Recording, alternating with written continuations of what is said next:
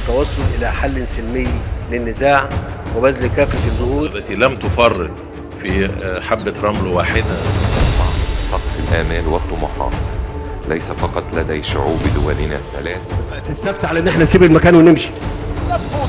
مع الناس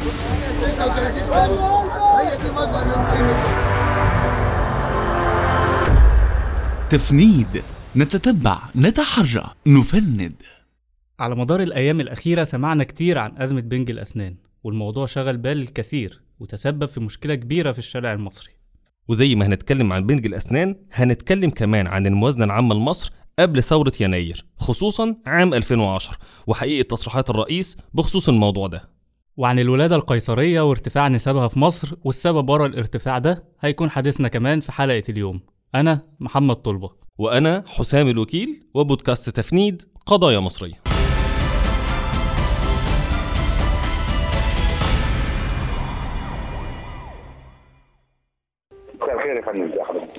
قول لي الأزمة وصلت لفين دلوقتي؟ وهل هناك نقص حد فعلا في آه، البنج بتاع الأسنان لدرجة تعيق أي طبيب أسنان في ممارسة عمله؟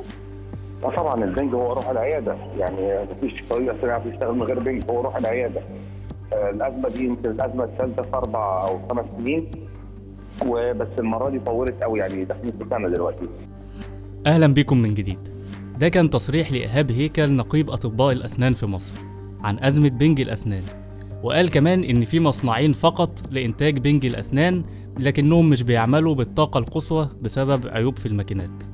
الكلام ده تضارب مع كلام الدكتور علي عوف رئيس شعبة الأدوية بالغرف التجارية واللي قال إنه لا يوجد نقص في بنج الأسنان لكن اللي بيحصل هو عملية تنظيمية وإنه تم زيادة الطاقة الإنتاجية للعمل بالشركة القابضة لمدة 24 ساعة بدون توقف وده بأعلى طاقة إنتاجية بأعلى ماكينات على مستوى العالم. لكن الأزمة يا حسام ليها أبعاد تانية وإن الأمر مش بس عيوب في ماكينات المصنعين. صحيح. وفي رحلتنا لتتبع أسباب الأزمة كان طرف الخيط بتاعنا تصريح نقيب الأطباء لأسنان الدكتور إيهاب هيكل اللي قال إن الأزمة تعود لنقص في الإنتاج المحلي وعجز في الاستيراد وفساد شبكة التوزيع الخاصة بالبنج لما تتبعنا القصة دي عرفنا إن شركة اسكندرية للأدوية موجود فيها خط لإنتاج البنج الخط ده بينتج أربع أضعاف الكمية الموجودة حاليا لكنها بدأت في تحديث الخط ده والمعدات الجديدة موجودة في المينا لكن لأسباب غير معروفة لم يتم الإفراج عنها من المينا حتى الآن. ده تسبب في أزمة في المعروض في السوق حاليا. إضافة إن في شحنتين بنج تم التعاقد معاهم في مع شركة في أسبانيا لكن الحكومة ما وفرتش الاعتماد الدولاري المطلوب ليهم حتى الآن وده خلى الشركة المنتجة بتهدد إنها إما تلغي الصفقة أو تبعتها بعد ستة أشهر من الآن. الأمر وصل يا حسام لتعليق لافتات على عيادات الأسنان مكتوب عليها نأسف لانقطاع العمل لعدم وجود بنج. وإن بعض الأطباء بيقوموا بإعطاء مسكنات ومضادات حيوية للمرضى بسبب عدم توافر البنج وده بحسب كلام نقيب أطباء الأسنان. وده بجانب صعوبة الحصول عليه كأنه بيحصل على مخدرات زي ما قال النقيب وبأسعار مرتفعة جدا بتوصل ل 1000 و 1500 جنيه. جزء كبير من الأزمة اللي أنت بتحكي عليها يا طلبة ناتجة عن تأخر الشحنات المستوردة بسبب أزمة الاعتماد الدولاري. أزمة الاعتماد الدولاري دي هي نتيجة إن البنك المركزي عنده منهجية في التعامل مع توفير العملة الصعبة للاستيراد. في سلع بيتم توفير المبالغ المطلوبة ليها بشكل فوري، في سلع تانية بيتم تأخير توفير الاعتماد بتاعها. عشان كده نقابة أطباء الأسنان أرسلت للبنك المركزي خطاب رسمي بتطالبه بأن يتم التعامل مع المستلزمات الطبية اللي من بينها البنج ضمن السلع التي تحظى باستثناء الدفع المباشر زي الأدوية والأمصال واللقاحات والأغذية. طبعا نتمنى الأزمة دي تنتهي في أقرب وقت لأنها بتمس صحة المواطنين بشكل مباشر وأثرها وتداعياتها هتسبب أضرار كبيرة. لكن نتمنى السلامة للجميع.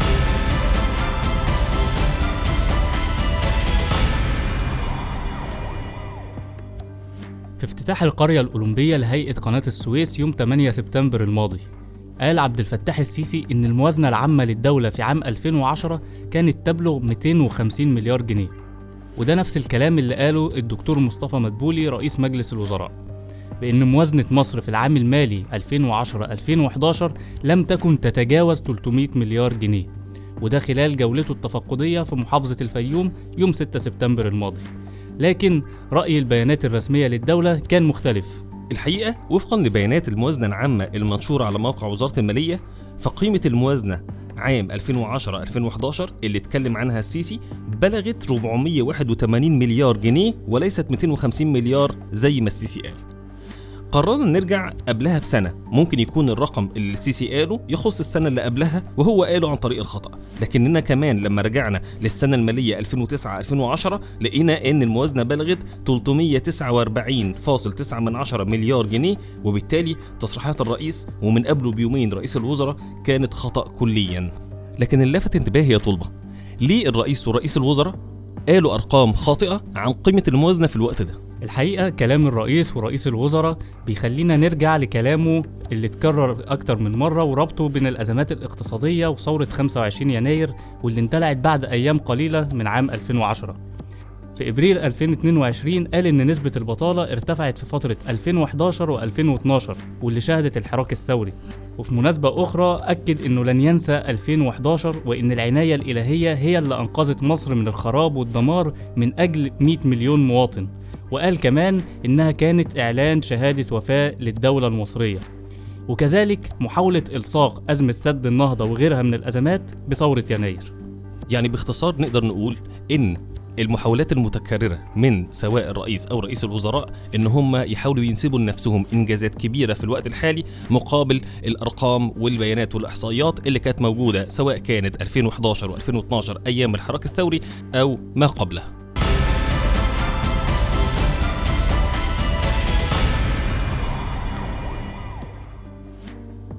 أصبحت كم في المية الولادة القيصرية يا دكتور؟ يعني في أحسن المعدلات 62% اللي سمعناه ده كان تصريح للدكتور حسام عبد الغفار المتحدث باسم وزارة الصحة ولما تتبعنا التصريح لقيناه غير دقيق لأن بمراجعة تقرير مسح الأسرة المصرية 2021 واللي صدر عن الجهاز المركزي للتعبئة العامة والإحصاء وجدنا إن نسبة الولادة القيصرية هي 72.2% من إجمالي عمليات الولادة في مصر.